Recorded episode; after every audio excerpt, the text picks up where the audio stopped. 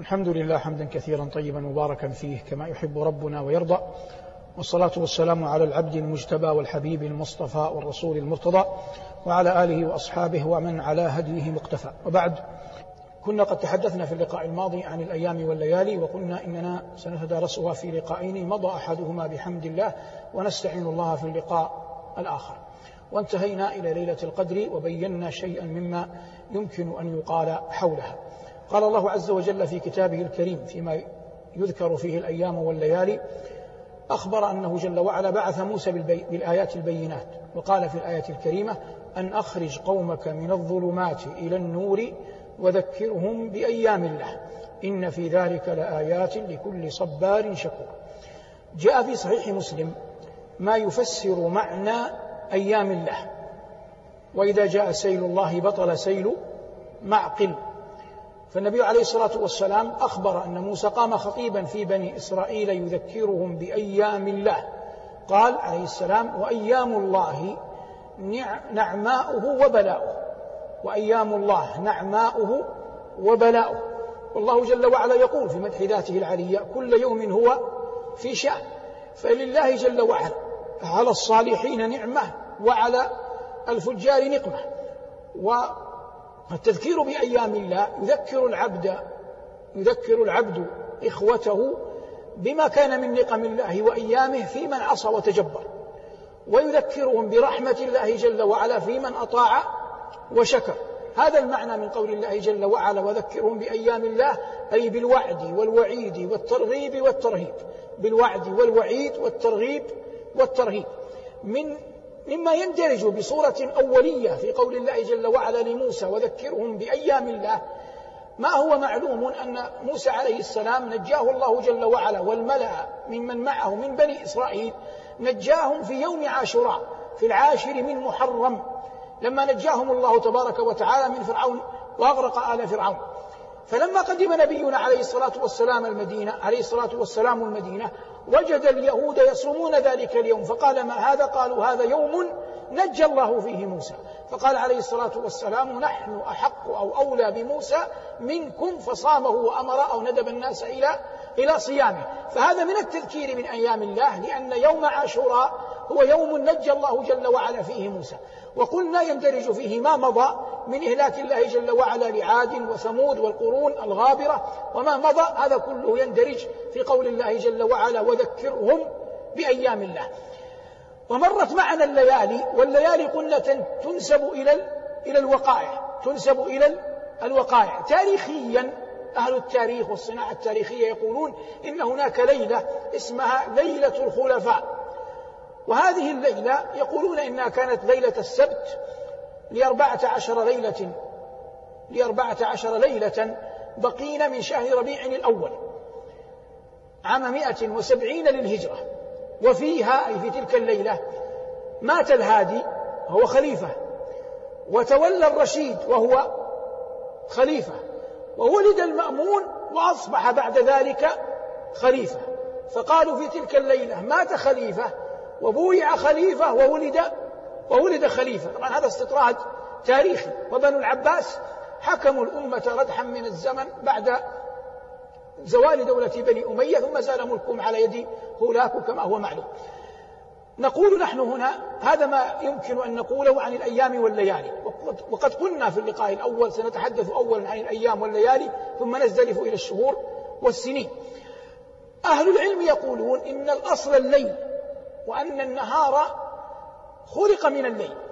قال الله جل وعلا وآية لهم الليل نسلخ منه النهار فإذا هم مظلمون. فأخبر جل وعلا أن الليل هو هو الأصل. على حد من فهم هذا من من أهل العلم.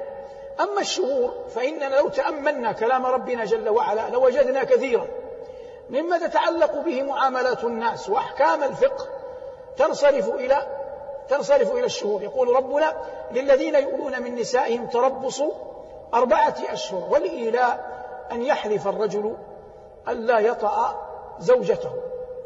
هذا معنى الإيلاء. فهو له ذلك أربعة أشهر كحد أقصى. ثم إما أن يطلق وإما أن يعود بالوطن. فحدده الله جل وعلا وجعله في أربعة أشهر.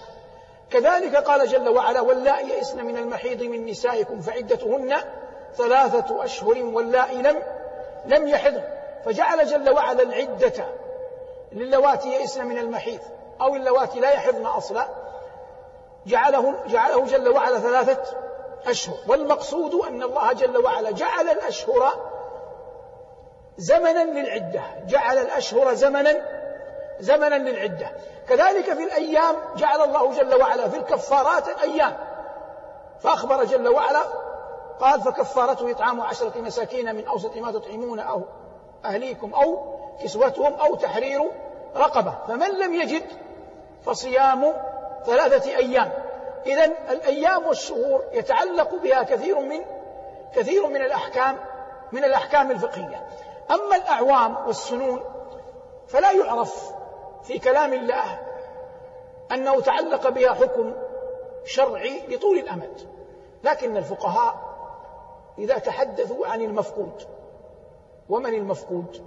في الاصطلاح من انقطع خبره وخفي أثره ولا يدرى أحي هو أم ميت.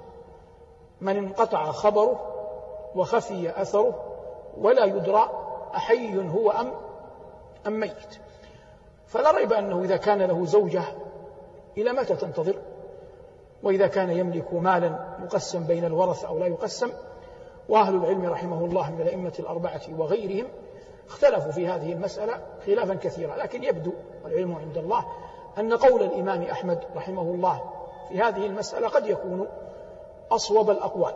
قال الإمام أحمد رحمه الله في هذه المسألة قال ينظر أين فقد؟ هذا المفقود. فإن كان فقد في مظنة هلاك في مظنة هلاك في مظنة هلاك بمعنى مثلا بين الصفين في معركة فنجا قوم ومات آخرون أو في سفينة غرقت فنجا قوم ومات آخرون ولا يدرى هو من الناجين أو من من الهالكين. قال فمثل هذا ينظر أربعة أعوام. إن تبين أمره وإلا بعد أربعة أعوام يقسم ماله وتبدأ زوجته في في العدة. فإذا انقضت العدة حل لها بعد ذلك أن تتزوج. واضح هذا هذا الحالة؟ الأولى من من؟ من المفقود. على أي مذهب؟ مذهب الإمام أحمد. الحالة الثانية أن يفقد على حال ليست فيها مظنة هلاك كمن يسافر في سياحة أو في تجارة أو في طلب علم مما لا يعرف أنه كان مع قوم هلكوا. فمثل هذا يحسب له تسعون عاما منذ ولادته. يحسب له كم؟ تسعون عاما منذ منذ ولادته. أي هو القرن الذي يعيش فيه على أقرانه. قالوا أي الفقهاء من تبع الإمام رحمه الله قالوا غالبا لا يعيش المرء أكثر من هذا في الغالب. فينظر من يوم ولادته إلى أن يأتي عليه تسعون عاما بعد أن يغلب على الظن أن تسعين عاما مرت على ولادته بعد ذلك يقسم المال لورثته ويؤذن لزوجته أن تعتد ثم بعد ذلك تتزوج. بعد ذلك ماذا؟ تتزوج. وبعض العلماء يقول ينظر هذا لاجتهاد من؟ لاجتهاد الحاكم. الاجتهاد الحاكم. وللإمام مالك رحمه الله قول أنه ينظر في حدود سبعين سنة لقول النبي صلى الله عليه وسلم أعمار أمتي ما بين الستين والسبعين. لقول النبي صلى الله عليه وسلم أعمار أمتي ما بين الستين والسبعين. هذا ما يتعلق بالمفقود. نعود للأيام والليالي في القرآن. ثمة ليالي مثل ليلة القدر لكن ليلة القدر ليلة تعبد جاء في القرآن ليال أكرم الله فيها بعض أنبيائه. لكن أخرنا الحديث عنها لأنه لا يتعلق بها تعبد لا يتعلق بها تعبد. مثل الليلة التي نجى الله جل وعلا فيها من؟ لوطا عليه السلام. فإن لوطا عليه السلام لما جاءه الملائكة كالخبر المشهور في سورة شباب حسان وقام قومهم وقام قومه إليهم أي إلى الأضياف وكانت زوجته أخبرت قومها بالأضياف فلما جاءوه أخبرته الملائكة أن أسر بعبادي ليلا. هذا في خبر موسى نظيره قال الله جل وعلا إلا آل لوط نجيناهم بسحر. وكان لوط عليه السلام لما أخبرته الملائكة إن موعدهم الصبح ورد أنه قال لهم وأين نحن من الصبح؟ فقالت له الملائكة أليس الصبح؟ بقريب. فالمقصود أن الله جل وعلا نجى لوطا وبنتيه ليلا. كذلك قال الله جل وعلا في حق سيد الخلق وأشرفهم وأكرمهم نبينا صلى الله عليه وسلم قال سبحان الذي أسرى بعبده ليلا من المسجد الحرام إلى المسجد الأقصى. وإن كان لا يتعلق بليلة الإسراء والمعراج عبادة. لا يتعلق بليلة الإسراء والمعراج عبادة لكنها ليلة قطعا. أكرم الله جل وعلا فيها نبينا صلوات الله وسلامه وسلامه عليه. كذلك قال الله جل وعلا لنبيه موسى فأسر بعبادي ليلا إنكم متبعون.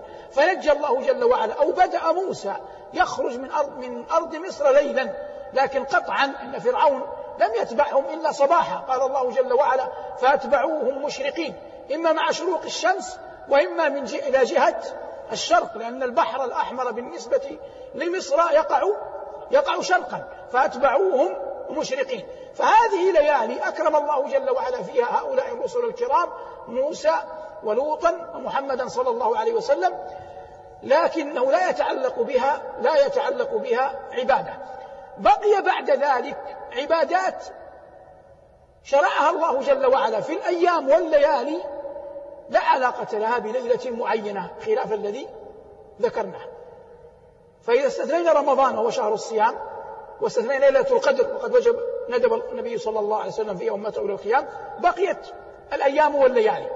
فثمة أيام حرم النبي صلى الله عليه وسلم صومها كما مر معنا. مثل يومي العيد وأيام التشريق مثل يومي العيد الأضحى والفطر وأيام التشريق. ما سوى ذلك فإن الأيام والليالي مطية للعمل للعمل الصالح مطية للعمل الصالح. فمن العبادات التي تشرع في, في سائر الأيام عموما الصيام. وهو يتأكد في أحوال شهر شعبان شهر الله المحرم يوم عاشوراء يوم عرفة. بقينا في من حج في يوم عرفة. من حج ووافق قطعا سيقف في عرفة هل يصوم أو لا يصوم؟ الجمهور على أنه الأفضل ألا لا يصوم. لماذا؟ لأن النبي صلى الله عليه وسلم لم يكن لم يكن صائما. وكفى بهديه هديا. ولأنه أقوى على على العبادة أو أقوى على الدعاء لأن المشروع مراعاة مقتضى الحال في يوم عرفة هو ماذا؟ هو الدعاء. بعض أهل العلم يقول ينظر في يوم عرفة إن وافق الشتاء فالنهار قصير وصومه غالبا لا يؤثر على على الدعاء. لا يؤثر على الدعاء لأنه قليلا ما يعطش الناس فيه. فيجمع المرء ما بين الصيام وما بين الوقوف بعرفة والدعاء. ظاهر هذا؟ وإذا كان الحال حال صيف وقيض وطول نهار فالأفضل والأولى في حقه ألا ألا يصوم.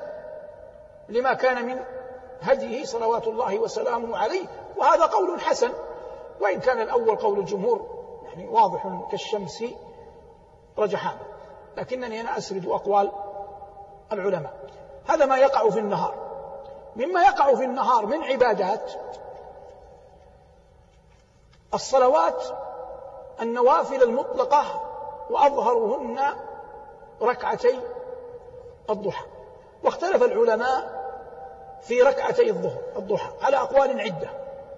منهم من يراها على الإطلاق ومنهم من لا يراها على الإطلاق ومنهم من يقيدها. وأكمل الأقوال فيها والعلم عند الله أنه ينظر في الرجل. إذا كان للرجل حظ من قيام الليل كثير فيصليها غبا يعني حينا يصليها وحينا يتركها.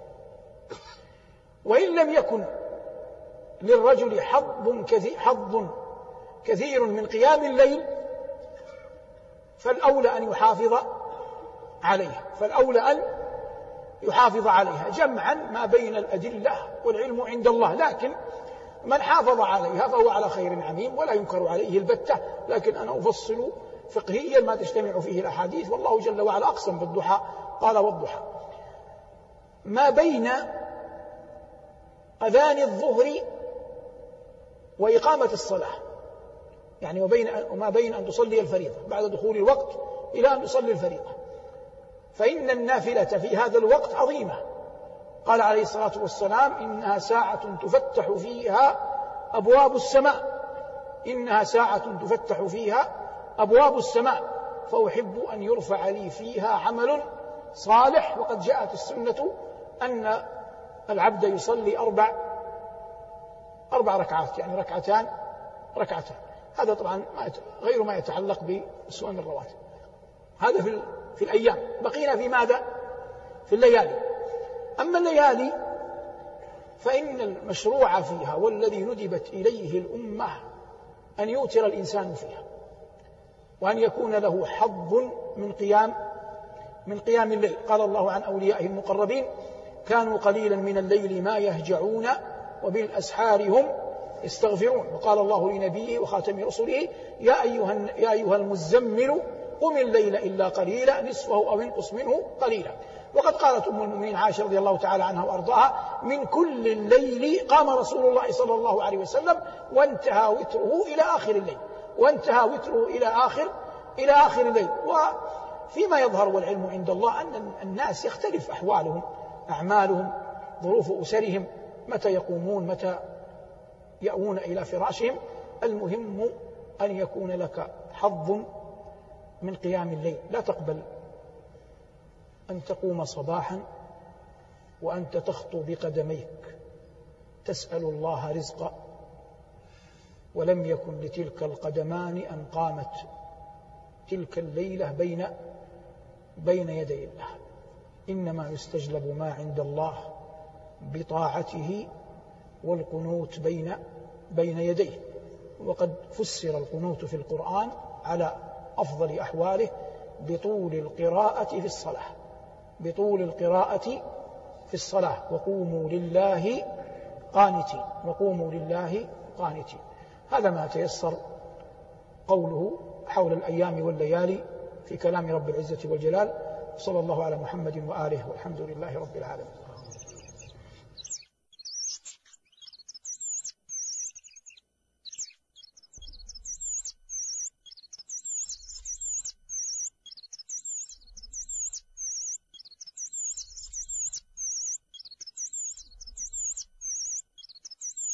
لو أنزلنا هذا القرآن على جبل لرأيته خاشعا متصدعا من خشية الله وتلك الأمثال نضربها للناس لعلهم يتفكرون